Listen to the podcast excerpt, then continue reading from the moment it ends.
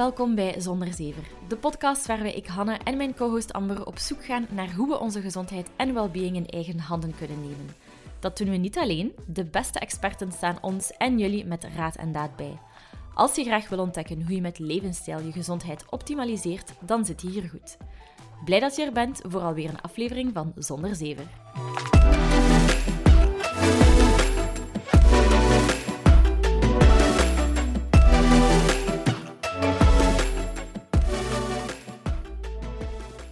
Dat voeding een grotere impact heeft op onze gezondheid, dat moeten we u waarschijnlijk niet meer vertellen. Maar zoals je vandaag zult horen, is er ook een heel sterke link tussen voeding en burn-outs. Want wat we eten heeft impact op hoe we ons voelen en zelf hoe goed we herstellen van burn-out. Maar we snappen ook dat als je gestrest bent, dat je daar niet meteen energie voor hebt, terwijl dat u misschien wel zou kunnen helpen. En daarbij kan onze partner Foodbag u wel helpen. Foodbag is de Belgische maaltijdbox dat met lekkere, verse, lokale producten werkt. En als je geen zin hebt om te koken, kun je of voor een quick and easy recepten gaan, of gewoon een verse kant-en-klare opwarmmaaltijd nemen. Je hebt er letterlijk geen werk aan, maar je kunt wel echt goed eten.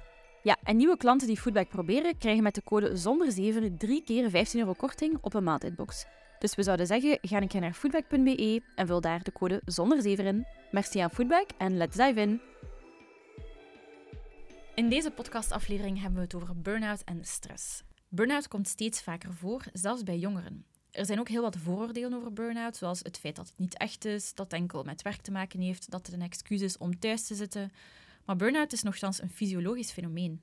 En vandaag willen we verstaan wat er gebeurt in een lichaam wanneer er burn-out is, wat het verschil is tussen burn-out en stress en wat ervoor zorgt dat je een burn-out krijgt.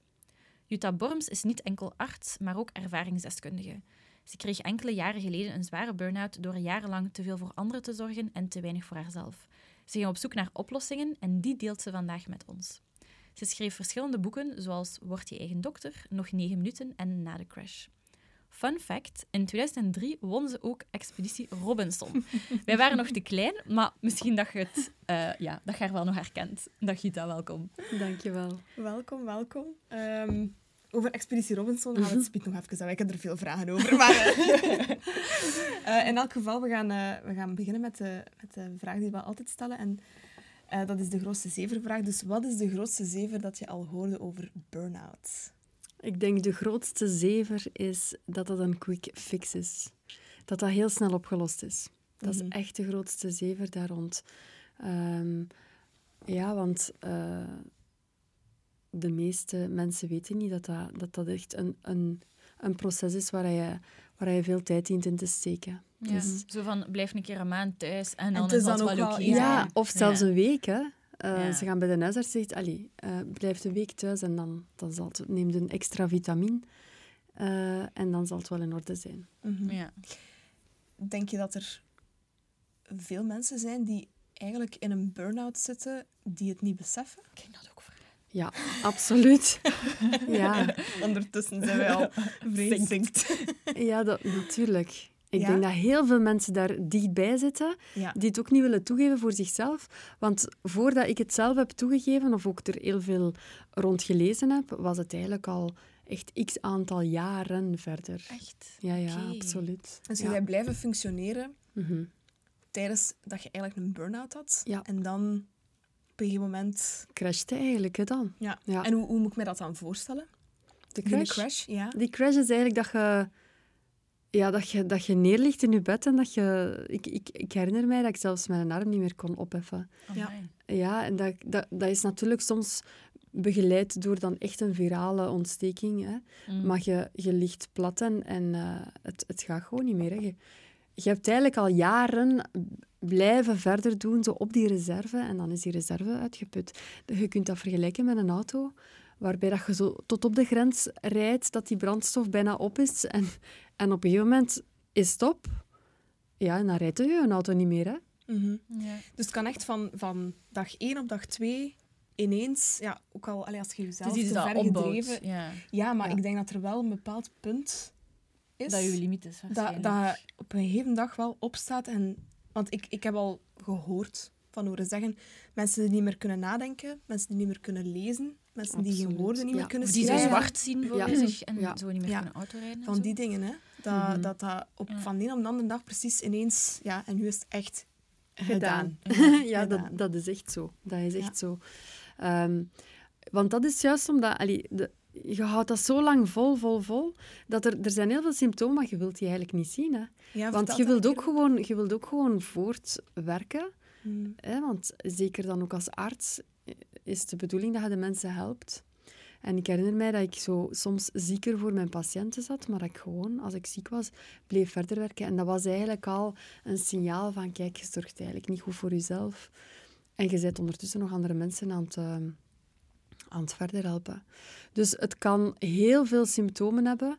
Ehm, maar ik denk vooral, een crash is echt als je jarenlang voelt ook van, ik kan mij niet meer goed concentreren. Ehm, ik begin een keer zwart voor mijn ogen te zien. Ik, eh, ik ben moe, maar je, je, je staat toch op, hè, omdat je zodanig ook een plichtsbewustzijn hebt. Mhm. Er is zo'n sterke verantwoordelijkheid om je gezin te dragen of om eh, een groepspraktijk te, te dragen. Dus je draagt eigenlijk heel, veel te veel en, en je zorgt te weinig voor jezelf. Ja. En wat is dan eigenlijk een burn-out? Hoe herkent je dat? Ja, wat is de definitie eigenlijk van een burn-out? Een burn-out is, is eigenlijk letterlijk dat je opgebrand bent. Hè? Dus het vuur dat je in je hebt. Dus dat zijn meestal wel heel gepassioneerde mensen die iets heel graag doen. Die, ja, die, die geraken opgebrand. Ehm, dus het is, het is eigenlijk een, een energieprobleem. Mhm. De energie geraakt op. Hè? Een burn-out is ehm, waarbij, ehm, ja, waarbij de energie er niet meer is om de dagdagelijkse zaken te kunnen doen. Mhm. En heeft dat dan te maken met stress? Ja, stress is de grootste ziekmaker aller tijden. Ja, dat hebben wij hier ook al vaak gehoord. Dat is waar. Ah ja? Heb je dan een burn-out door te veel stress?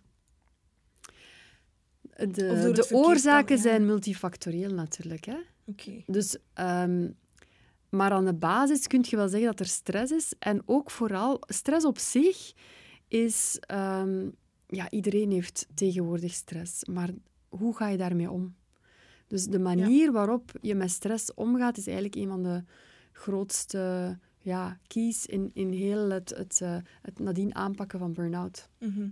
Maar ook om het te voorkomen dan waarschijnlijk. Van Ja. Als je je stress kunt kanaliseren, want ja, stress is onvermijdelijk, denk ik, ehm, voor iedereen, of toch voor de meesten. Maar Mhm. hoe dat je het kanaliseert, en of dat, dat dan gezond of ongezond is, ik weet het niet, hè. Eh, zal er wel mee te maken hebben dan. Mhm. En... Ja, sorry, zeg maar. Hè, wat gaan we zeggen? Ja, ah, wel. Dus ehm, in dat opzicht kun je, al, je stress gaan bekijken met ook natuurlijk heel eh, eh, allee, eh, medisch uitgelegd of wetenschappelijk uitgelegd. Hè. Er zijn twee zenuwstelsels, twee systemen. Het, Mhm. het centrale zenuwstelsel en het autonome zenuwstelsel. En het centrale zenuwstelsel is eigenlijk dat je eh, met gedachtedag bewust kunt sturen. Hè, dus je hebt bijvoorbeeld, je wilt gaan bewegen, of je wilt je arm bewegen, dus je armspieren gaat je Mhm. gericht gebruiken. Maar dan heb je het, eh, het eh, autonome zenuwstelsel. En dat is eigenlijk iets dat autonoom gebeurt. Eh, dus dat gebeurt vanzelf, zoals je hart dat op dit moment pompt. Hè? Of je bloeddruk dat op dit moment op peil gehouden wordt. Ehm, de ademhaling die vanzelf gebeurt. En in dat autonoom zenuwstelsel heb je nog twee onderverdelingen. Daarin heb je eigenlijk je eh, ortho- en je parasympathisch zenuwstelsel. En het is daar tussen die twee, dus als die ortho- en parasympathisch zenuwstelsel uit balans is, dat is een soort van wip eigenlijk. Mhm. Ehm, en als dat uit balans is, dan is dat eigenlijk een regelrechte weg richting ja, een acute ziekte of eigenlijk veel meer chronische Chronisch, ziekte. ja. Chronische problemen die ontstaan. En wat zorgt er dan voor dat...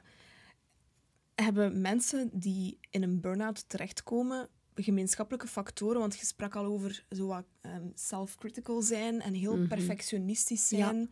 Ja. Ehm, zijn, dat, ja, zijn dat factoren dat ervoor zorgen dat iemand bijvoorbeeld... Zeg maar, het stress kan zich heel veel in heel diverse klachten gaan uiten. Mhm. Waarom nu net een burn-out voor sommige mensen? Ehm, maar ik denk dat dat meer en meer voorkomt, voortkomt, omdat, ehm, ja, omdat de maatschappij gewoon veel meer vraagt van ons. Mhm. En, En ik, ik ben ook eigenlijk erop uitgekomen dat zo al die... ehm, hè, dus natuurlijk, het heeft voordelen. Daardoor kunnen we een podcast opnemen. Maar eh, de gsm, de Ja, iPad-gebruik, dat was vroeger allemaal niet. En het heeft te maken met de intensiteit van prikkels. Ja. Ja. En dat heeft dan weer te maken met dopamine. Hè? Dus, ehm, en al die hormonen die gaan spelen. Dus eigenlijk dat endocrine systeem geraakt veel sneller uitgeput. Het is enerzijds dat mensen hè, ehm, empathischer... Sommige mensen zijn heel empathisch en gaan dan heel erg meevoelen met andere mensen. Maar als er niet in de kern zoiets is van... Ja, zorg ook goed voor jezelf, dan, dan zit je echt in een onevenwicht. Mhm. En dat goed zorgen voor onszelf, dat hebben we niet geleerd. Allee, zeker niet die generaties, hè. Ehm, of onze generatie. Ik ben al een beetje ouder als jullie. onze generatie eh, heeft een heel aantal patronen. Waaronder, en dat is echt iets heel eh, belangrijk, zelfzorg werd gezien als egoïsme. Ja. En dat is ook heel katholiek en in de kerk. Mm. Hè? Dus als je nog maar uitspreekt, hè, omdat we daar net ook hadden over nog negen minuten, als, als ik een podcast opnam van eh, ik ben mooi, ik ben lief, ik ben... Ja, affirmaties. affirmaties, Mhm. ja. Ja, eh, dan zijn er nog altijd heel veel mensen die reageren van allee zeg, zijn een keer wat meer bescheiden of zo. Ja. Mijn Ja. moeder reageerde daar zo op. Ja. Ehm, dus, en ik, ik, ik merk dat ook bij allee, mijn eh, schoonouders. En heel die generatie, die reageren daar heel fel op. En wij zijn er dan weer zeer hè? gevoelig aan. Ja, er is heel veel Mhm. weerstand rond. Hè? Ja. Ja. Dus er is zoiets als van... ehm, ja, eh, hoe erg heb je... Of hoe, in welke mate heb je geleerd om goed voor jezelf te zorgen? Onze generatie Mhm. echt heel weinig. Ja, Ik dat de nu pas een topic werken, is. Ja, Ja, absoluut. werken en doordoen Hard en, eh, werken, ja. doordoen. Dat zijn Ja. uw ouders, hè? Ja, ja. Mhm. Jullie letterlijk. ouders is Maar dat, ja, hè? Ik denk ook, allee, gelijk bijvoorbeeld, ja, onze ouders zijn zo vijftigers, denk ik. Ah, wel, ja, dat is like mij, hè? Ja, 21 al. Ja, Voilà. die van- die van Toch, mij zo 50, midden 50, eind 50. Voilà. Maar dat, dat is denk ik ook wel... Allee, ik weet nu niet, dat is nu puur uit losse pols dat ik dat, dat ik dat nu zeg, maar ik kan me voorstellen, mijn grootmoeder, die mochten al blij zijn dat ze mochten gaan werken. Maar ook die mensen kwamen wel uit een oorlog, hè. Ja, ook al. Die mensen komen uit een oorlog. Dus die hebben dingen gezien en die zeggen van, je moet opletten. Ja. En dat is wel zo de mentaliteit. Pas op, want als Ja. je dat niet gaat doen, dan. Exact. En ik denk dat de, de, de, het generationele collectieve trauma dat jullie dan, van jullie generatie, Mhm. hebben, is dat...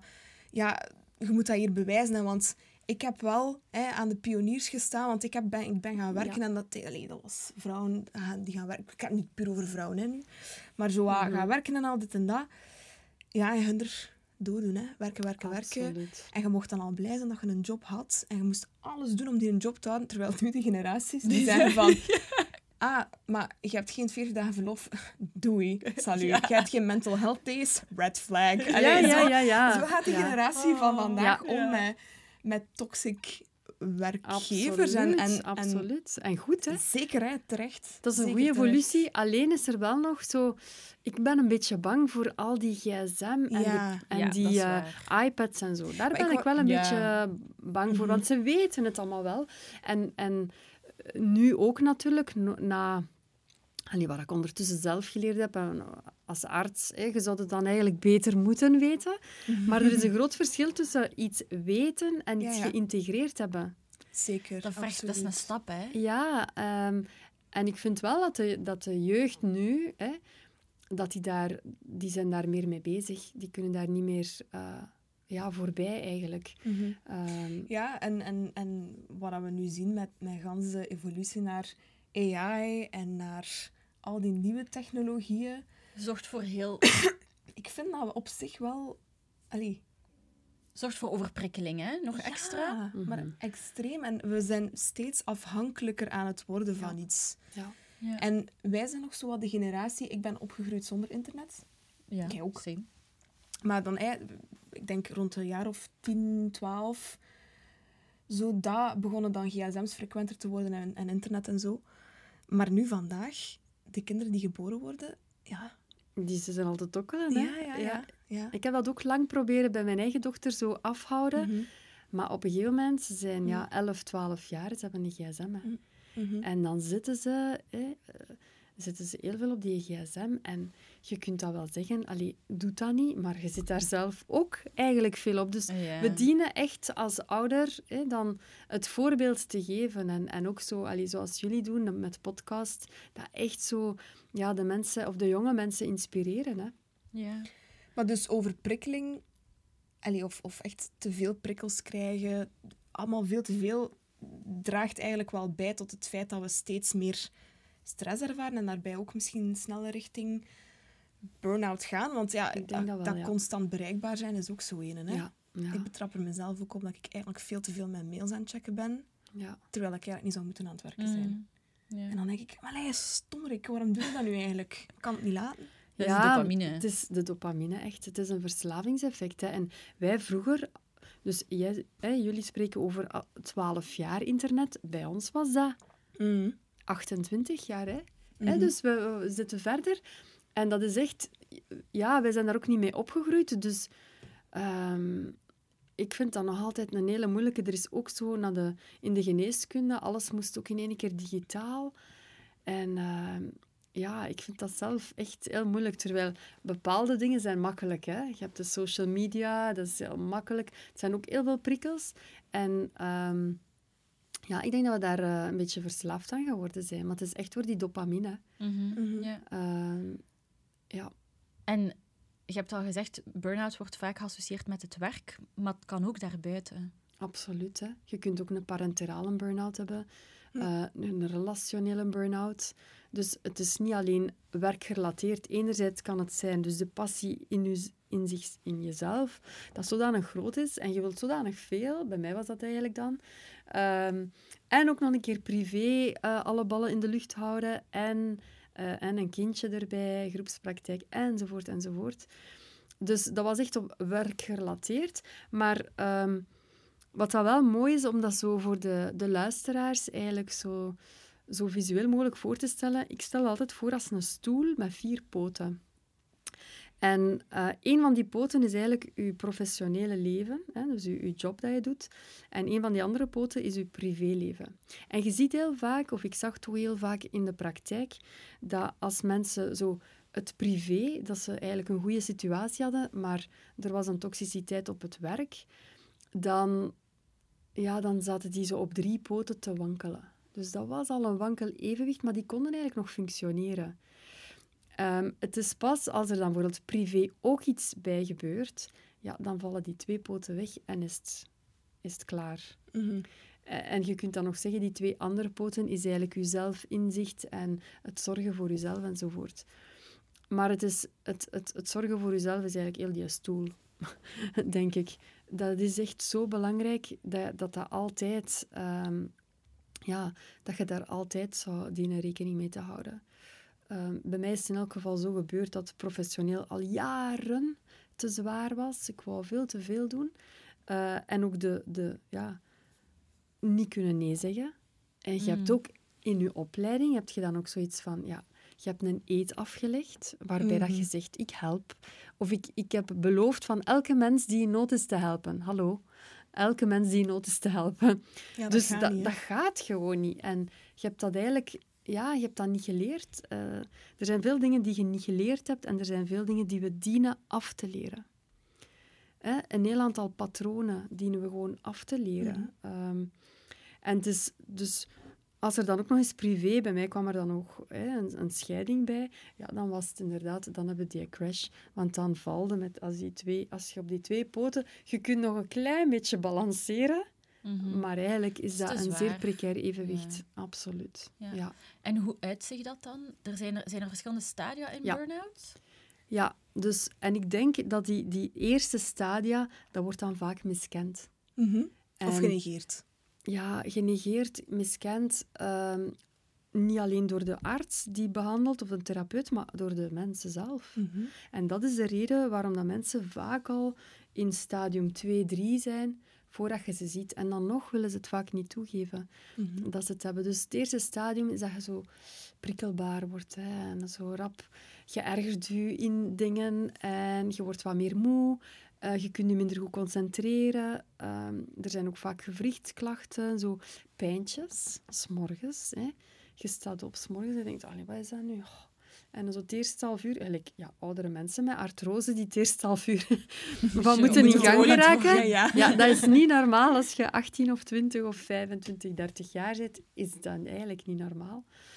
Uh, dus dat is zo wel... Er zijn heel vaak alarmbelletjes. Mm um, bij die symptomen. En dan een tweede fase is dat dat dus echt chronisch wordt. Dat dat langer en langer duurt. En uh, die intensiteit wordt, uh, ja, wordt hoger. Dus je, je begint te roepen tegen je kinderen, zeg ik bijvoorbeeld. Of um, je kaffert een collega een keer uit. En wat dat er dan ook bij komt kijken, is dat je ook weet dat je niet zo zijt. De meeste mensen hè, deugen. Hè. De meeste mensen zijn hm. goed, hebben dat niet. Dus daar komt een gigantisch schuldgevoel ook nog eens bij. Dat is ook zo een gevoel van onze generatie, dat ook nog eens door de kerk, hè. schuld en boete en penitentie. Mhm. dus dat komt daar dan ook nog eens bij. Ehm, en dat is een regelrechte lijn naar die, ja, die zwaardere burn-out, waarbij dat je dan effectief gewoon chronisch moe bent, chronisch ehm, geheugenverlies, chronisch uh, fysieke klachten. Het is eigenlijk, als er fysieke klachten langer dan drie à zes maanden zijn, dan kun je toch wel al een belletje laten rinkelen. Mm En veranderen er dan ook dingen in je hersenen of in je lichaam als je in een burn-out Ik heb altijd gehoord dat dat een soort van bijnieruitputting zou zijn. Ja, dus dat is eigenlijk, allez, als we dan teruggaan naar de, naar de diagnose, mhm. dus dat is eigenlijk een bijnieruitputting, burn-out. Ehm, en die bijnieruitputting heb je dus inderdaad in verschillende gradaties. Hè. Ehm, die bijnieren, dat zijn kleine mini-mini orgaantjes die gelegen zijn ter hoogte van uw nieren. Maar zeer belangrijk, want dat zijn eigenlijk die orgaantjes die hormonen gaan uh, secreteren en die nodig zijn bij acute situaties. Dus als er echt iets uh, acuut gebeurt waarbij dat je een soort van overleving nodig hebt, dan heb je dat nodig. Maar als er dus chronisch, als er dus een chronische stress is, mhm. dan gaan je hersenen constant eigenlijk die hormonen gaan hè, daar, daarmee bezig zijn met die hormonen te secreteren of signalen te geven naar die bijnieren. En die bijnieren beginnen constant gaat die adrenaline gesecreteerd worden. Mhm. En die noradrenaline, en die dopamine, en die serotonine. Dus al die hormonen die geraken stilletjes aan uitgeput. En ook cortisol dan? Cortisol ook, ja. Cortisol zeker Want ook. ik zou denken van dopamine, serotonine, dat is toch goed dat dat uitgescheiden wordt? Maar ja, je hebt dopamine nodig ook, hè, om ja, echt te Dat is goed, maar net ook hier weer is dat weer een evenwicht. Hè? Dus je hebt u, om nog eens terug te komen op dat begin, dat orthosympathisch zenuwstelsel is eigenlijk de activator. Dat zorgt voor actie. En je hebt dat soms nodig, dat je in, in gang schiet. Als er mhm. iets gebeurt, dan dient je eigenlijk op je gaspedaal te duwen. En meestal hebben we dan de drie V's, hè, dat ik ook over geschreven heb in mijn boek. Mhm. Vechten, vluchten of verstarren. Dus mhm. freeze, fight of flight reaction is dat. En dat, dat is eigenlijk teweeggebracht door die orthosympathicus. Dat is in C ook een katabool mechanisme. Wat wil dat zeggen? Uw lichaam zorgt ervoor dat er energie kan aangemaakt worden, maar dat, dat is katabool, dus dat, dat, die voorraad van energie wordt aangesproken.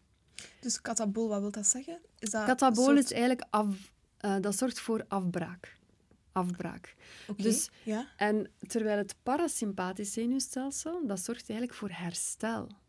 Ah ja, zo, ja, ja, oké. Ja. Dus u, mhm. maar dat is een goede vraag. Ehm, het parasympathisch zorgt voor, uh, dat is het omgekeerde van die gaspedaal. Dat is op de rem gaan staan. Dat is uw rempedaal.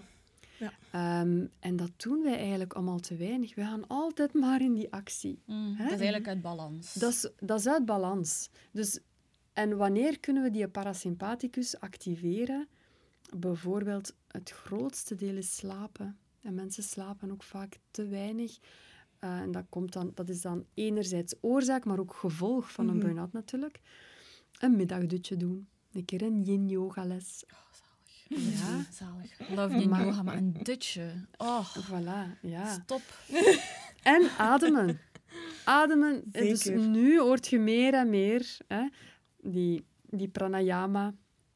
Ademsessies hier, ademsessies daar. We love Eh, it. We love Ja, it. voilà. Dus dat is echt zo... Dat is nu, begint dat echt zo wat... Een, eh, ze zeggen dat, Mhm. dat is wel een hype, eigenlijk. Dat ze bij mij in der tijd zeiden van, ja, dat is, yoga is een hype. Ja, oké, maar het Goh, mag een hype een zijn, hype maar... die al een paar duizend jaar meegaat, maar oké. Ja, voilà, Ah, bij ons in voilà. het Westen. Maar in andere culturen doen ze dat al Ja, lang. Ja. Is dat Tuurlijk. gewoon deel van hun leven? Ah, ja. Ja, absoluut. En het is eigenlijk... Ja, whatever, het, het, wat dat ze het ook noemen. Het is een ongelooflijke tool om je organen zich te laten herstellen. Mhm. En dat is de reden waarom dat mensen ook zo goed zijn met yoga, waar ik zelf ook ondervonden heb door dan yoga te doen, wel vol een bak Indian burn-out. Dus dat was eigenlijk op zich ook wel wat te veel, om dan een, allee, omdat ik dan ook een, een yoga-opleiding volgde. Maar anderzijds was het ook echt...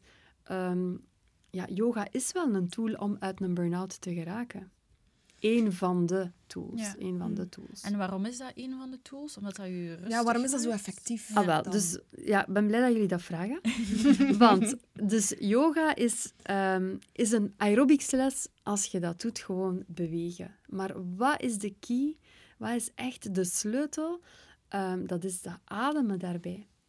Ja. Hè? Dus, want ik hoor je zeggen, oh, zalig, een yin-yoga-les. Wat doet je dan vooral?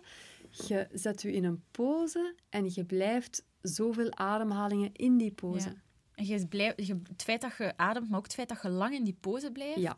dan voelt je dingen Shiften loskomen. Ik weet niet, Ja. ontspannen. Je gaat echt dieper. Ja, dus dat geeft eigenlijk diep herstel. En dat is het, het, het parasympathisch zenuwstelsel zorgt voor opbouw, herstel, ontspanning, rust. En we hebben dat nodig, want als je dus ja, constant in die stress zit, dan dient je echt wel dat evenwicht te trachten te vinden. Maar laat ons ook wel zijn, de balans, de, dat bestaat niet. Hè? Dus als je aan de mensen zegt van, je moet zorgen voor balans en je, wilt, je bent op zoek naar de perfecte balans, dus dat bestaat niet. Als je daar naar op zoek bent, dat ga je niet vinden. Want het leven is gewoon niet balans. Het is constant verandering. Mhm. Ehm, maar dus, waarom is die yoga zo interessant? Omdat je enerzijds beweegt. En bewegen zorgt er ook voor dat er flow komt van energie. Dus als die energie vastzit, dan kun je die een klein beetje laten bewegen. En dat hoeft niet veel te zijn, maar er is al beweging. En dan ja, hoor ik jullie denken, of misschien niet. Maar wat als je niks niet meer kunt en als je inderdaad een crash, wat kun je nog bewegen? Uw ademhaling. Diafragma blijft Uw altijd. diafragma gaat op en neer, dat is een beweging. Dus ik zeg altijd aan de mensen, als je niks meer kunt, leg je neer en ademt. Mhm. Ja. Om nog even terug te komen op die bijnieren dan. Dus, eh, want daar waren, dat was de, de, de initiële vraag. Van, is, dat, is dat dan bijnieruitputting? Ja. Dus als we het goed voor hebben, dan wil dat dan zeggen dat je zodanig lang bepaalde hormonen afscheidt dat je nieren gewoon niet meer kunnen die Mhm. hormonen aanmaken en dat je gewoon ja, platvalt? Of hoe moet Ja. ik me dat dan voorstellen? Ja, dus natuurlijk, allee, voordat je echt in een bijnieruitputting bent, Mhm. dat is echt al... Allee, het, dat is echt... Allee, een bijnier... Ik vind dat dat nog niet echt een uitputting is. Eh allee, ik zie dat niet zo vaak. Een bijnier, echt een bijnieruitputting. Dat is echt een crash, dat ik wel heb meegemaakt. Ehm, maar de meeste mensen zitten daar net voor. En het is ook zo dat we dus die hormonen die worden inderdaad constant gesecreteerd. Dus ja, je hebt die nodig voor een acute situatie, Ja. een acute overleving. Maar dus dat brein, dus dat is ook belangrijk. Je hebt dus drie breinen. Je hebt enerzijds het, ehm, het, eh, ja, het oerbrein. Hè? Het oerbrein. Het eerste brein is het oerbrein, dus dat is zeer instinctief. Ehm, dan heb je het emotionele brein, dat is het limbisch systeem. En dan heb je de neocortex, dat is eigenlijk je rationeel brein. En daar dient er ook ergens een balans in te zijn. Want natuurlijk, als wij constant in stress zitten, dan gaat constant dat reptiele brein aan. En door dat reptiele brein wordt er ook constant hormoon afgescheiden. Dus je dient dat te zien als een vat met energie of een vat met hormo- hormonen. En dat gaat gewoon, ja, dat, dat zakt. Mhm. Dat is En eigenlijk op een gegeven simpel. moment is het... En dus- En op een moment is het leeg of is het echt laag.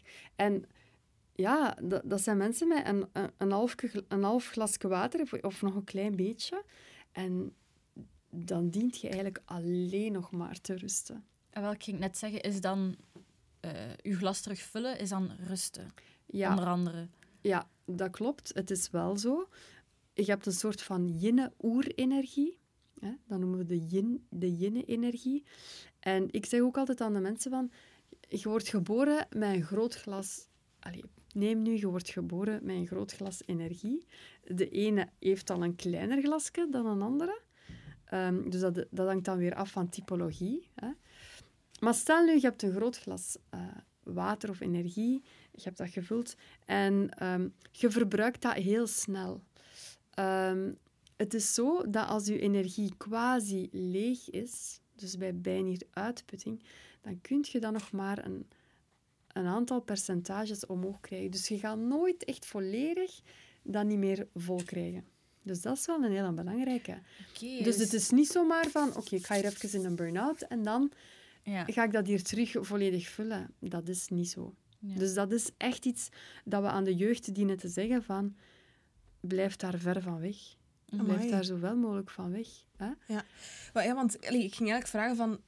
Wat, wat dat je denk ik wel vaker ziet, is dat... Ik ben natuurlijk geen arts, maar mensen die, die eigenlijk in een burn-out gaan, ze rusten dan. Ze denken, oké, ik kan er weer tegen. Ze beginnen dan misschien deeltijds terug te werken of terug naar fulltime. En ze zakken er weer Ja. in. Dat gebeurt wel vaak, hè? Absoluut. Ja. Absoluut. En dat is gewoon omdat dat glas nog niet voldoende gevuld is. En je kunt dat wel allee, ongeveer 20, 30 procent terugvullen, wat dat natuurlijk niet zoveel is. Maar je kunt dat wel vullen. En dat is eigenlijk door twee zaken. Dus dat is ook heel belangrijk om te weten. Dat is voeding. Dus door voeding kun je enorm veel nog herstellen. En ten tweede door ademhaling. Dus je krijgt dat zeker omhoog. Maar ik ben heel blij, Amber, dat je die vraag stelt, want ehm, het is veel meer dan gewoon lichamelijk natuurlijk. Aha. En daarom Mhm. hè, zitten we in dat holistische stuk. Als we dat echt holistisch bekijken, dan weten we ook dat lichaam, geest en ziel geconnecteerd is. En waarom hervallen de mensen? Dat is puur omdat er patronen, Ja. overtuigingen, eh, bepaalde visies aan vooraf gegaan zijn, die ervoor zorgen dat je een burn-out zich telkens opnieuw en opnieuw herhaalt. Want je hebt extreem please-gedrag bijvoorbeeld, of niet je grenzen kunnen stellen. En je kunt je dan wel van job veranderen, maar als je dat nog altijd niet hebt en er is er daar ene die je triggert, Mm. heb je het weer, dan heb je dat weer. Hè. En hoe weet je dan wanneer dat je er wel terug klaar voor bent? Dat is een goede vraag. Ehm, ik denk als je echt komt naar een crash, dan duurt dat heel lang. Ze zeggen ook, de, het, de periode die je voor, vooraf gehad hebt aan je burn-out, stel nu dat dat bijvoorbeeld, eh, ik zeg nu maar iets, eh, tien jaar is, dan dient je dat maar anderhalf te doen voor te herstellen. Dus als je tien jaar moe bent, Wow. ja, wow. Dat is echt eh, iets dat veel mensen niet weten. Dan heb je eigenlijk 15 jaar nodig. En als de mensen echt eerlijk zijn met zichzelf, en ik vind dat zelf ook een hele moeilijke, want ik val ook nog geregeld, dus ik weet van er zijn nog patronen die daar echt spelen. Ehm, als je dat weet, dan beseft je van, ik dien eigenlijk constant nog op die rem te gaan staan. Mhm. En het mooie is dat het leven nu dat ook wel toont. We worden afgeremd, maar we hebben dat niet graag. Ik had nu bijvoorbeeld terug een, ver- een vlucht dat vertraagd was. Alright. Dus je begint ook wel een ander bewustzijn te krijgen. Oké, ik word afgeremd. Een auto die in pannen valt. Oké, je wordt afgeremd. Een platte band. Je wordt afgeremd. Ziek worden. Je wordt afgeremd. Dus als die parasympathisch... Dat, die parasympathicus die constant zegt van... Hé meisje, maar je bent daar nog niet klaar voor, hè? Dat is natuurlijk een hele moeilijke. Mhm. Want dat is echt ook weer die grenzen gaan voelen. Ja. En de connectie maken met je lichaam. En dat is waar het vaak fout gaat. Want we krijgen ook de jeugd, en wij zelf en ik ook, we hebben die connectie verloren ook weer door gsm en computer. Mhm. En dat rationele brein is constant bezig. Ja, ik denk dat we heel vaak in ons hoofd zitten. Hè? Ja, we tunen niet zo snel in met ons Nee. lichaam van wat voel Voilà. ik of wat denk ik. Want we, als we in een auto zitten, luisteren we naar muziek of naar een podcast. Ik zeg nu niet dat je moet stoppen met luisteren. Naar ons moeten blijven luisteren. Of als je aan het, aan het koken bent, zet je iets op. Of je zit s'avonds in de zetel, je bent aan het scrollen op je gsm op het toilet. Eigenlijk, en je bent achter de computer op je werk. Dus Ja, ja, wanneer heb je rust in je hoofd? Als je gaat gaan slapen. Maar dan...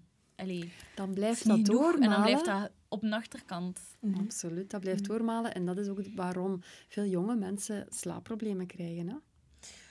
Ik vind dat wel super tof dat je dat zegt van... Hè, dus het is, ehm, toen dat je zei... Het is niet enkel ja, fysiek dan, hè, want we hebben het dan over bijnieruitputting en zo. Mm, Maar het gaat ook over bepaalde patronen dat er dan voor zorgen dat je eigenlijk constant... absoluut. Allee, er is een emotionele component aan. Ja. Ehm, Die Maar is het dan- Is, toch? ja, eh, ik denk dat is dan volgens mij ook wel de key tot herstel, is dat je Ja. die emotionele componenten ook aanpakt. Ja. Of, die, of die patronen waar je van spreekt. Mhm. Ehm, maar Ja. dus allee, mag ik er dan van uitgaan dat mensen in een burn-out echt wel actief moeten bezig zijn daarmee om dat dan te gaan herstellen? ja. En dat is confronterend. Kijk, we gaan het nog eens over een gsm hebben. Hè. Als uw gsm plat is, je kunt je laten liggen en laten rusten, maar die geraakt niet opgeladen. Ah ja, nee, ja, dat is waar. Dus je dient die in stopcontact te steken om terug op te Mhm. laden. En dat is het ook. We dienen zelf verantwoordelijkheid te nemen voor ja, onze eigen toekomst. Maar ook niet alleen de toekomst en het verleden, maar ook in het hier en nu. We zijn meestal te veel bezig met wat is er geweest en wat gaat er komen. Ja, dat is Dus het is echt in het moment gaan zijn, in het moment gaan voelen van wat is er, voel ik mij goed?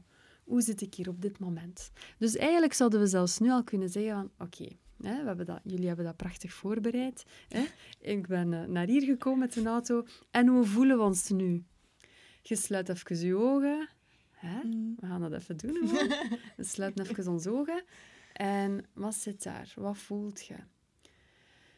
Dus vaak kan het zijn dat, dat mensen dan al zeggen van wow, ik, eh, ik voel bijvoorbeeld een druk toch wel wat op mijn hart. Of ja, ik heb toch een beetje een knoop in mijn maag. Ehm, ik voel wel dat ik even zou kunnen rusten ook. Mm. Zie je dat? Dus we tunen daar eigenlijk niet meer op in. En dat is key. Ik heb dat ook in mijn boek geschreven. Dat ik ook zeg van, oké, wacht eens even. Oké, het is niet alleen de neocortex. Ga ik je voelen. En daar zou eigenlijk al ja, aan, in de scholen dienen aan Oh, ja, te worden. preach, dat is waar, zo, ja. ik denk, moest ik nu zoveel energie nu over hebben, dat is echt wat ik wil doen. De kinderen gewoon al direct meenemen. En in sommige scholen gebeurt dat. Van mijn dochter bijvoorbeeld heb ik binnenkort geef ik een meditatieke en een yogalesje. Oh, zo leuk. Dus super tof. Dus dat kan en dat bestaat al. Dat zou een vast vak dienen eh, te zijn. Ja, want er wordt te 100%. veel ge- ingezoomd op hier, presteren het is en inderdaad het het hoofd. Terwijl Ja. dat als je zelf al zouden met kinderen elke dag starten met een meditatie van een kwartier, ben er zeker van dat ze zich beter gaan voelen de hele dag. Absoluut. Dat is zelfs geen kwartier nodig. Nog negen minuten. Ah ja, nee, nee, voilà. Negen minuten dan. Of, maar ook vijf minuten of drie minuten. Weet je dat eh, een yoga-teacher, eh, een prachtige vrouw ook, ehm, die, mij, die heeft mij ooit gezegd toen ik in mijn burn-out zat, van doe eens drie minuten per dag iets voor jezelf. 21 dagen lang. Dus consecutief 21 dagen, drie minuten. Hetzelfde? Nee, Ah, iets, iets voor jezelf. Mhm. Een ademhalingsoefening, een stretching. Een keer even stoppen, geen muziek, niks. Je kijkt naar buiten, je speelt drie minuten met een huisdier. eh, je gaat drie minuten je, je schoenen aandoen. Allee, je gaat dat waarschijnlijk langer. Maar ik herinner mij op dat moment dat ik zei tegen haar, ik heb geen drie minuten. Wanneer moet ik dat doen? Kunt u voorstellen? Mm. Als je geen drie minuten hebt voor jezelf, hoe erg is het dan gesteld Ja, met u? ja. Dus we zijn daar vaak niet bewust van.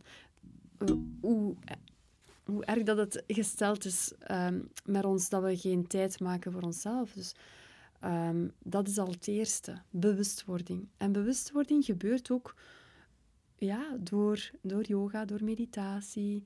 En meditatie, er wordt altijd van gezegd van, oeh, maar dat daar moet je toch skills voor hebben en je moet dat dan leren en ik kan dat niet en hoe moet je dat dan doen? Ja, dat is gewoon heel simpel. Ga gewoon liggen en zet je wekker, drie minuten en klaar. En je gaat merken ook de eerste keren dat je dat doet, ja, dan gaat u, gaan je gedachten van hier naar daar, van Honolulu tot Tokio en terug Dus, maar dat is normaal. Iedereen heeft dat zelfs. Een hele, alleen, iemand die constant met, met meditatie bezig is, die heeft dan nog... Ik ben alle dagen met meditatie bezig. En sommige momenten zeg ik van... Oké, nu ga ik niet gaan mediteren op mijn matje. Want ik word gek als ik ga zitten nu. Ik heb te veel gedachten. Nu ga ik drie minuten dansen. Of ik ga drie minuten in de natuur. Of ik ga naar de paarden. Mhm. Allee, het is langer dan drie minuten misschien. Maar je gaat zien, als je drie minuten voor jezelf doet, 21 dagen lang, dat quasi alles verandert al. Ja, ik denk ook dat het, dat het te maken heeft met het feit van, oké, die drie minuten, dat is laagdrempelig genoeg voor iemand Ja, om dan... voilà.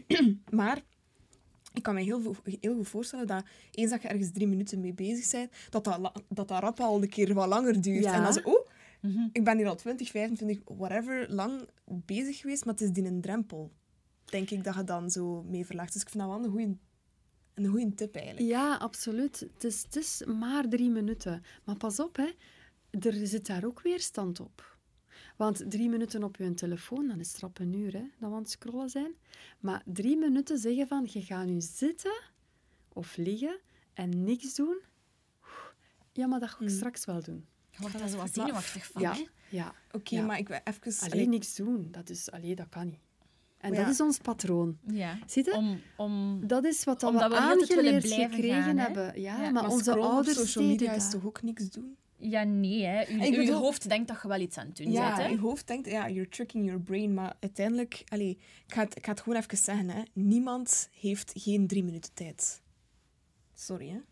Tuurlijk, dat is zo, maar dat is een Dat is- keuze. hè. Dat is prioriteiten Dat is stellen. prioriteit. Sorry. Ja, oké, maar dat is niet altijd even gemakkelijk om je gedachten toe te laten. Je kan geloven dat Nee, dat best dat niet. confronterend is. Nee, nee, dat niet. Dat zeg ik niet. hè. Ik zeg niet dat het gemakkelijk is, maar ik zeg wel dat iedereen drie minuten dat kan doen. Allee, dat, dat, dat, dat, dat je tijd hebt. Het is de, de drempel, het is eigenlijk op zich laagdrempelig, maar de drempel is gewoon u daar gaan zetten Mhm. en dat. En dat is zoiets van, ja, ehm, dat is dan gewoon echt zeggen, ik, ik doe dat. Ja. Ik doe dat. Dus dat, dat vergt dan natuurlijk weer een discipline. Eh, maar ik zeg ook, stel nu dat je dat 's morgens altijd gedaan hebt en je hebt een dag overgeslaan, of niet overgeslaan liefst, maar eh, s'avonds liet u in bed, oké, dan ga jij nog je wekker zetten en drie minuten in je bed. Al was dat, drie minuten. Maar het is ook omdat vaak mensen denken, dat kan niet, dat kan niet. Maar het is, er is heel veel wetenschappelijk bewijs dat dat effectief werkt. En misschien ook iets dat jullie nog niet weten, en dat een beetje mijn stokpaardje is in mijn yogales. Ik zeg dan vaak, als je 11 minuten, 11 minuten bewust ademt, heb je 30, 40 procent meer energie gedurende een dag. Nee. Is Wow. wetenschappelijk bewezen. Dat is wel cool. Amai. 11 minuten. Ik ga mijn niet meditaties langer. verlengen. Ja. Maar dus stel dat je drie minuten doet, heb je ook een effect. Maar als je drie minuten bijvoorbeeld, ik zeg nu maar iets, de linkerneusademhaling zou Ja. doen, Mhm. drie minuten de rechterneusademhaling, en dan nog eens de Nadi Shodhani, dus rechter- en Ja, af. Ja. Vijf Ja, minuten, dan zit het er al, hè. Mhm. En mag dat dan bijvoorbeeld ook Wim Hof Ja, breathing zijn? Want daar ben ik echt Het is gewoon van. ademen, omdat je dan meer zuurstof in je lichaam krijgt. Ja, Of, dus- of de bewustzijn. Ja, de- pranayama. Pranayama is eigenlijk... ehm, dat is de ademhaling in de yoga. Hè? Dus dat is... Yoga is eigenlijk asanas, zijn Mhm. bewegingen. En pranayama zijn eh, het cultiveren van de prana, van je chi of van je energie. En je gaat dus eigenlijk door die ademhaling, ik zeg het nog eens, gaat je je parasympathisch zenuwstelsel activeren. Dus je hebt puur herstel van elke cel. Elke cel herstelt. Dus als je een cel zou bekijken, en daar zit een celkern in en mitochondriën. Die mitochondriën zijn eigenlijk de longsjes van je cel. Dus je gaat ervoor zorgen dat er ATP aangemaakt wordt. En ATP is adenosine-trifosfaat. Hij wordt dan omgezet. Dat is niet zo belangrijk. Maar er wordt, energie, er wordt energie gemaakt.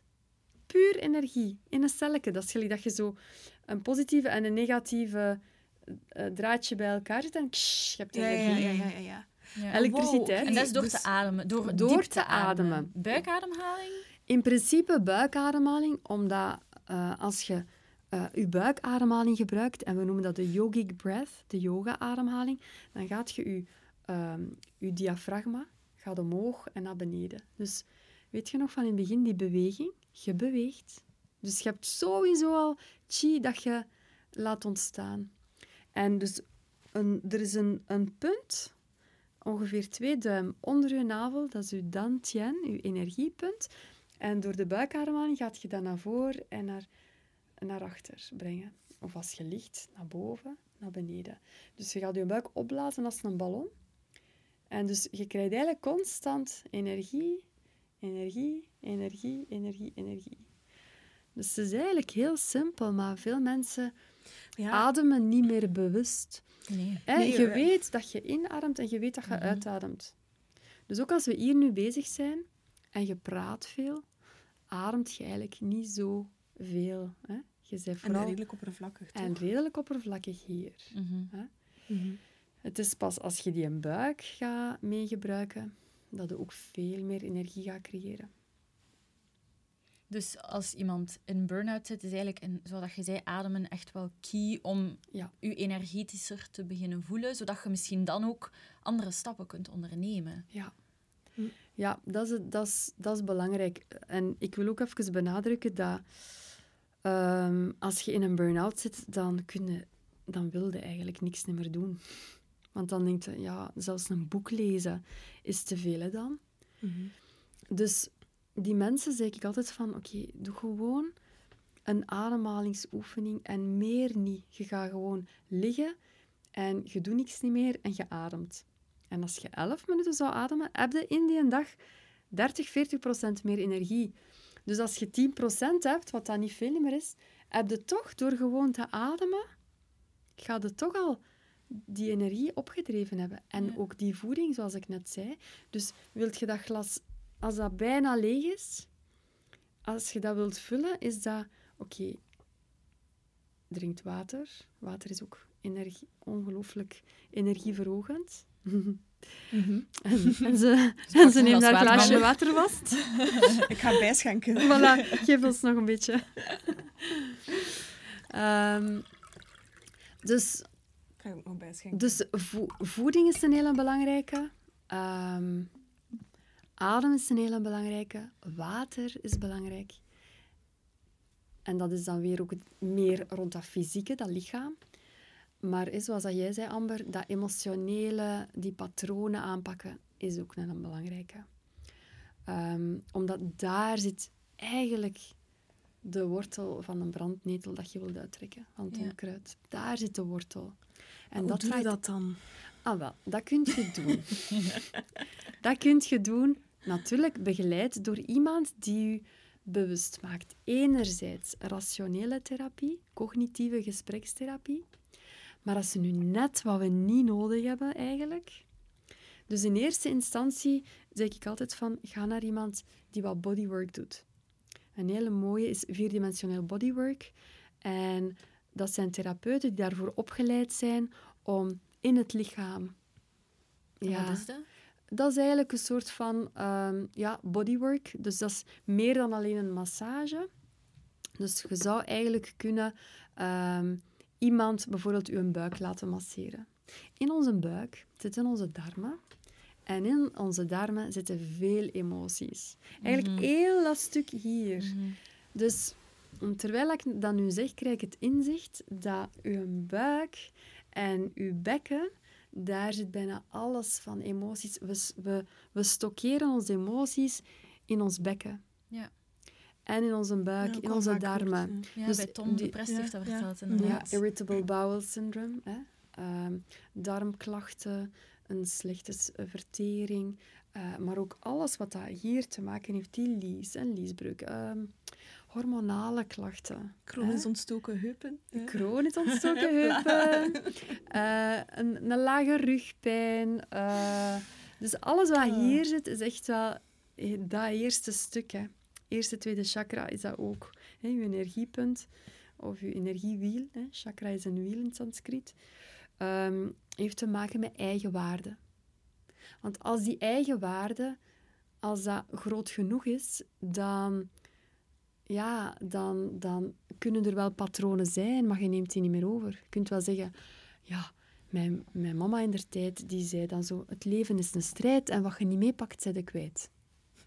Alright, dat was mijn overtuiging, hè. Kunt je je voorstellen? We kunnen daar nu wel mee lachen, hè. Maar dus dat wil zeggen, het leven is alleen maar strijd. Vechten, Ja. vechten, vechten. Dus Mm. adrenaline, Gaan, gaan, tak, tak, tak, Ja, ja, weg, weg, weg, weg, weg. Gevaar, gevaar, gevaar. Gevaar, gevaar, gevaar. Vlechten, vechten of vluchten of verstarren. En wat je niet meepakt, zet je kwijt. Dus eh, er is altijd verlies. Er is altijd tekort.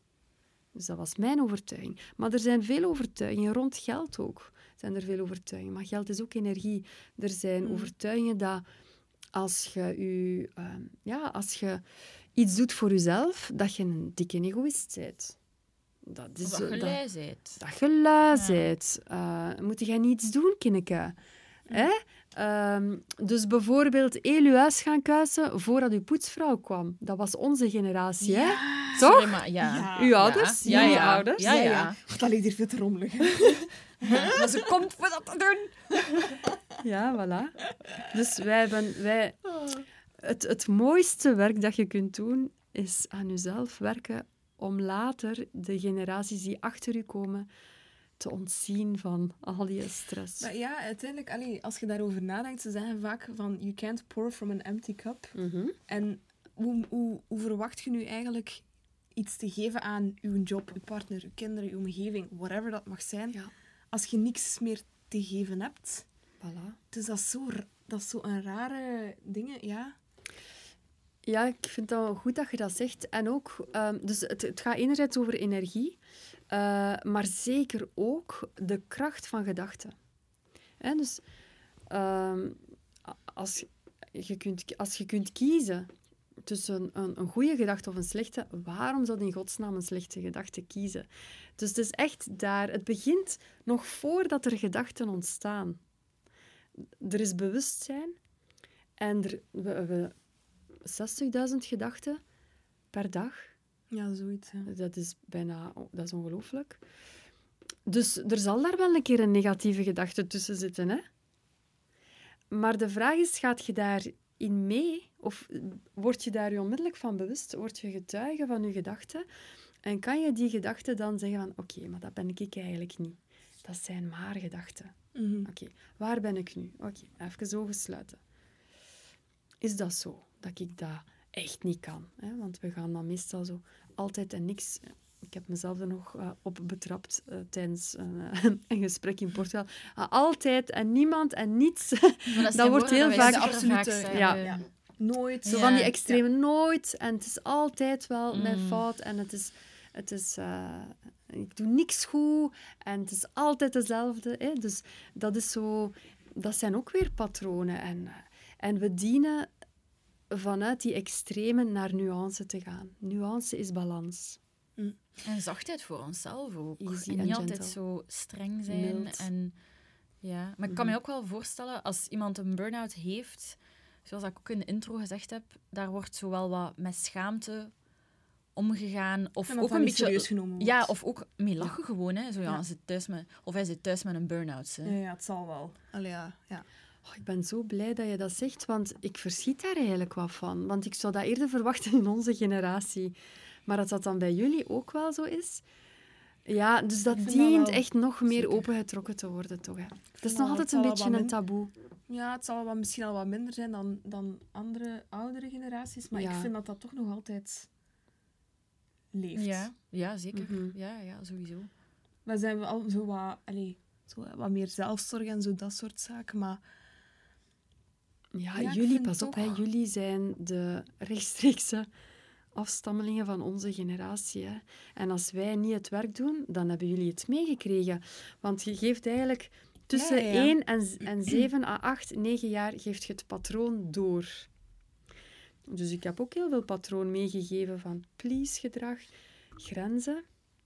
Dus al die zaken dat je, als je kind nu 10, 12 jaar is, denkt van oké, ik heb het wel goed gedaan de laatste 4, 5 jaar, maar die eerste, als je de eerste drie jaar al heel veel daaraan doet, is dat eigenlijk al heel goed. Hè? Ja. Ze zeggen dat kinderen voor de eerste zeven jaar een spons zijn. Hè? Ja. Dat ze dan opnemen. Ja, heel hard, omdat die hersenen dan heel hard gevormd worden. Maar en, en ook, ik denk, ja, kinderen zijn aangewezen op hun directe omgeving, zijnde de ouder. Ik vind dat niet 100% onlogisch. Ik vind dat niet onlogisch Nee, dat je dan... logisch. Kinderen pakken gewoon heel veel op van... Tuurlijk. Ja. Ja, hoe moeten ze het anders leren? Ja, ze leren het van, van ouders en van directe omgeving. Allee, En familieleden of whatever. op school ook. hè. Opvoeding. Dus ja, dat Ja, is op school heel. De school ook, hè. vandaar dat dat zo belangrijk is, want de kinderen zitten vaak meer op school dan dat ze bij hun ouders zijn Mhm. ook. Hè. En vroeger, allee, lang geleden, was dat gewoon, we waren de vrouw aan de haard. In onze generatie was dat als je huisvrouw werd, van, oh allee, die is maar huisvrouw. Mhm. Hè? Ja, Terwijl, ja, hey, ja. dat is En misschien zelfs job, nu hè? nog, misschien zelfs nu nog, maar wat doen wij? Nee, je gaat dus en dokter, of, of gelijk welk andere job, en moeder, en dit, en, en, en, en, en, Ja, en, ja, en. ja. En dat is, ehm, dat is gewoon te zwaar. Mhm. Ja, inderdaad. Welke impact heeft de voeding op misschien een burn-out voorkomen, maar ook genezen? Ehm, voeding heeft een hele grote impact. Dat, dat, is, dat is iets dat, dat, dat heel duidelijk is. Ehm, dus enerzijds, je stelt mij twee vragen natuurlijk. Hè. Enerzijds ehm, ja, preventief, maar ook curatief. Dus hoe kun je dat, hoe kun je dat voorkomen? Dat je, is dat uw vraag? Hoe kun je voorkomen? Beide zeker, hè? Ja, beide. Dus bijvoorbeeld welke... Ja, welk voedingspatroon bijvoorbeeld? Ehm, Of welke, welke ehm, hoe moet ik het zeggen, Ehm, welk gedrag kan ervoor zorgen dat een proces bijvoorbeeld versneld of afgeremd wordt Ja. of zo. Mhm. Ehm, veel suikers of ik, Ja. ik zeg maar Ja. iets. Ja, ja, maar dat is dus al belangrijk. Dus, ehm, dus voeding is sowieso belangrijk voor je energie. Hè? Ehm, oh, en daar kunnen we ook natuurlijk heel veel Ja, over ja, ja. vertellen. Maar eh, wat ik meestal zeg aan de mensen die, die energieproblemen hebben, dan zeg ik van... ehm, neemt een voedingsadvies... Een, ik, zeg, ja, ik, zeg, ik spreek dan eigenlijk over een antitoxisch voedingsadvies. Ehm, en dat zijn eigenlijk maar vijf à zes zaken die de mensen dienen te laten of wat op te letten. Ehm, maar meestal is het zo, en dat vind ik ook wel heel interessant om mee te delen aan jullie en aan de luisteraars, ehm, dat degenen die ik zag met een burn-out, die hadden allemaal hun voedingspatroon eigenlijk al aangepast. Dus de mensen voelen van, "Ach, dat is hier niet oké, ik heb hier geen energie niet meer. En het eerste wat ze zelf kunnen doen, Mhm. is hun voeding aanpassen. Dus de mensen zijn zelf vaak al op zoek gegaan en ze hebben... Vaak is de voeding eigenlijk wel al vrij goed. En dus wat kunt je mijden? Eh, in eerste instantie witte suiker. Ik zeg altijd, witte suiker is het witte vergif. Ik noem dat echt zo. ja, we weten dat. ja. We weten dat, ja... We weten dat, maar toch is dat vaak nog moeilijk, omdat dat dan ook weer een verslavend patroon is. Dat is weer een patroon natuurlijk. Eh, alcohol. Ehm, alles wat dat de lever belast. En waarom is dat? Omdat uw lever is eigenlijk een orgaan ehm, dat, dat instaat om alles te verwerken. Dat is een opkuiser, toch? Dat is, niet eigenlijk een soort van de- opkuiser. De zo. velkar van uw... eh, Ja, maar eh, we gaan het iets mooier noemen, hè? zo, zo, de vuilkar. Ehm, het is iets ongelooflijk functioneel, maar het dient natuurlijk wel te werken. En we zien ook dat als mensen energieproblemen hebben, dan zit die filter eigenlijk wat dichtgeslipt. Dus, en niet alleen lichamelijk, maar ook mentaal. Met patronen, met overtuigingen. Dus die filter die werkt niet meer zo goed. En ik zeg ook altijd aan de mensen zo, om dat visueel voor te stellen, ik vind het altijd heel tof, omdat dat dan blijft hangen. Je hebt zo die vier op een rij bord, Mhm. oh, of je hebt zo die... ehm, je had zo vroeger die MB-spelletjes, waarbij dat je zo het rode bolletje naar het gele bolletje, en dat moest dan zo door een radarnetwerk Ja, ja, ja, ja, naar beneden. ja. Misschien is Mhm. dat van mijn generatie. Nee, nee. Allee, ik weet Ik niet, weet ja. het Ja? niet. Ik niet doen. meent. Ik ben Maar mee. in elk geval, allee, de bedoeling is dat al die bolletjes, dat dat uiteindelijk door heel veel processen, dat dat naar beneden gaat. Hè? Dat is het doel van dat spel. Ehm, en stel nu dat je daar iets zou tussen gooien met kruimeltjes, dan begint dat Mhm. eigenlijk, zo, dan werkt dat niet meer goed, dat systeem. Dus zo kun je dat visueel voorstellen. Dat systeem werkt niet meer goed, dat is eigenlijk allemaal trager geworden. Maar dan kun je al de vraag stellen, waarom is dat trager geworden? Omdat we zelf dienen te vertragen.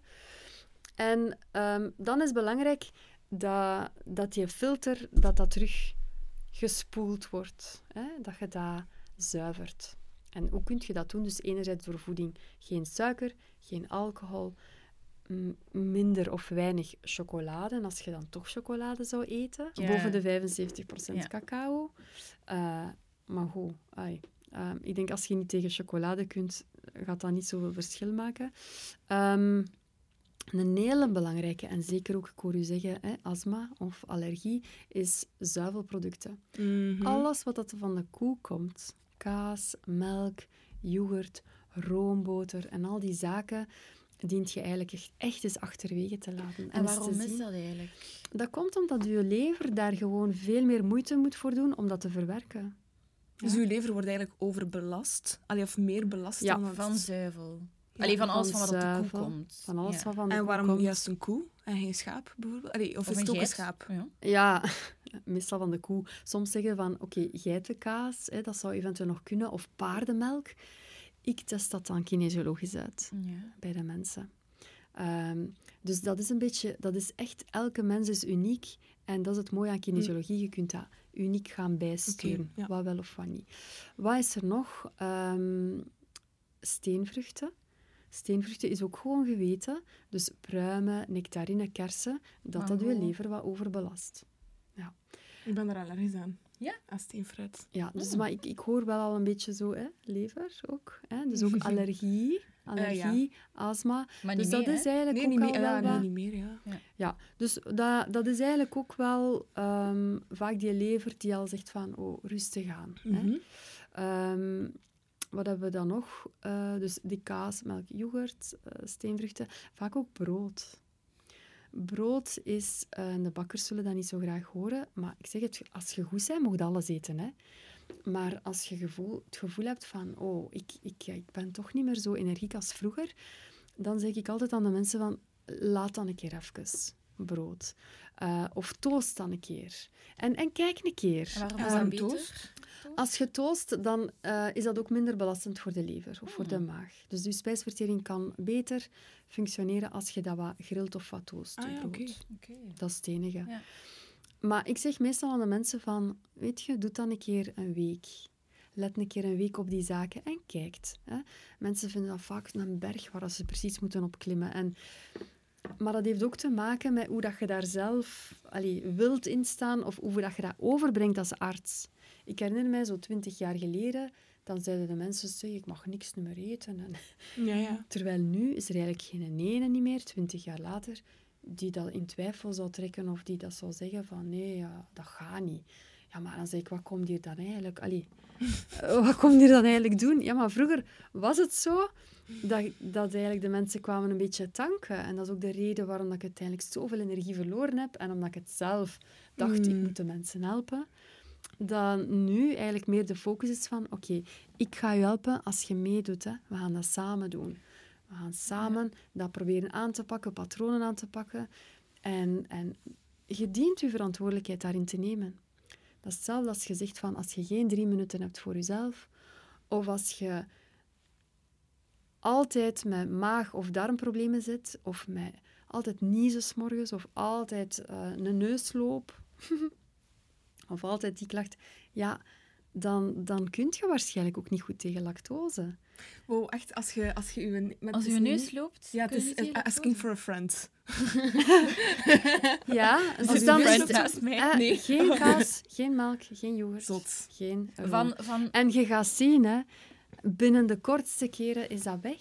van, van dus, wat zijn de, wat zijn de dingen? Niezen? Niezen, zo van die niesbuien, 's morgens ook, kan ook zijn. de Ehm, neus dat loopt. Een morgens. neus dat loopt, of maar een neus dat altijd verstopt zit. Ehm, Ah, slijm- verkoudheden, dat te maken slijm, slijm, slijmproductie, Ja, voilà. ja. Dus kaas, melk, yoghurt, ehm, dat zijn eigenlijk in de Chinese geneeskunde spreken we over koude energieën. En die maken dat er meer slijmvorming is. Hè, dus is alcohol, maar ook suiker en zuivelproducten. Die zorgen voor meer slijmvorming. Ja. Dus als je, daarin, hè, als je daarin al wilt iets doen, dan kun je voeding aanpassen.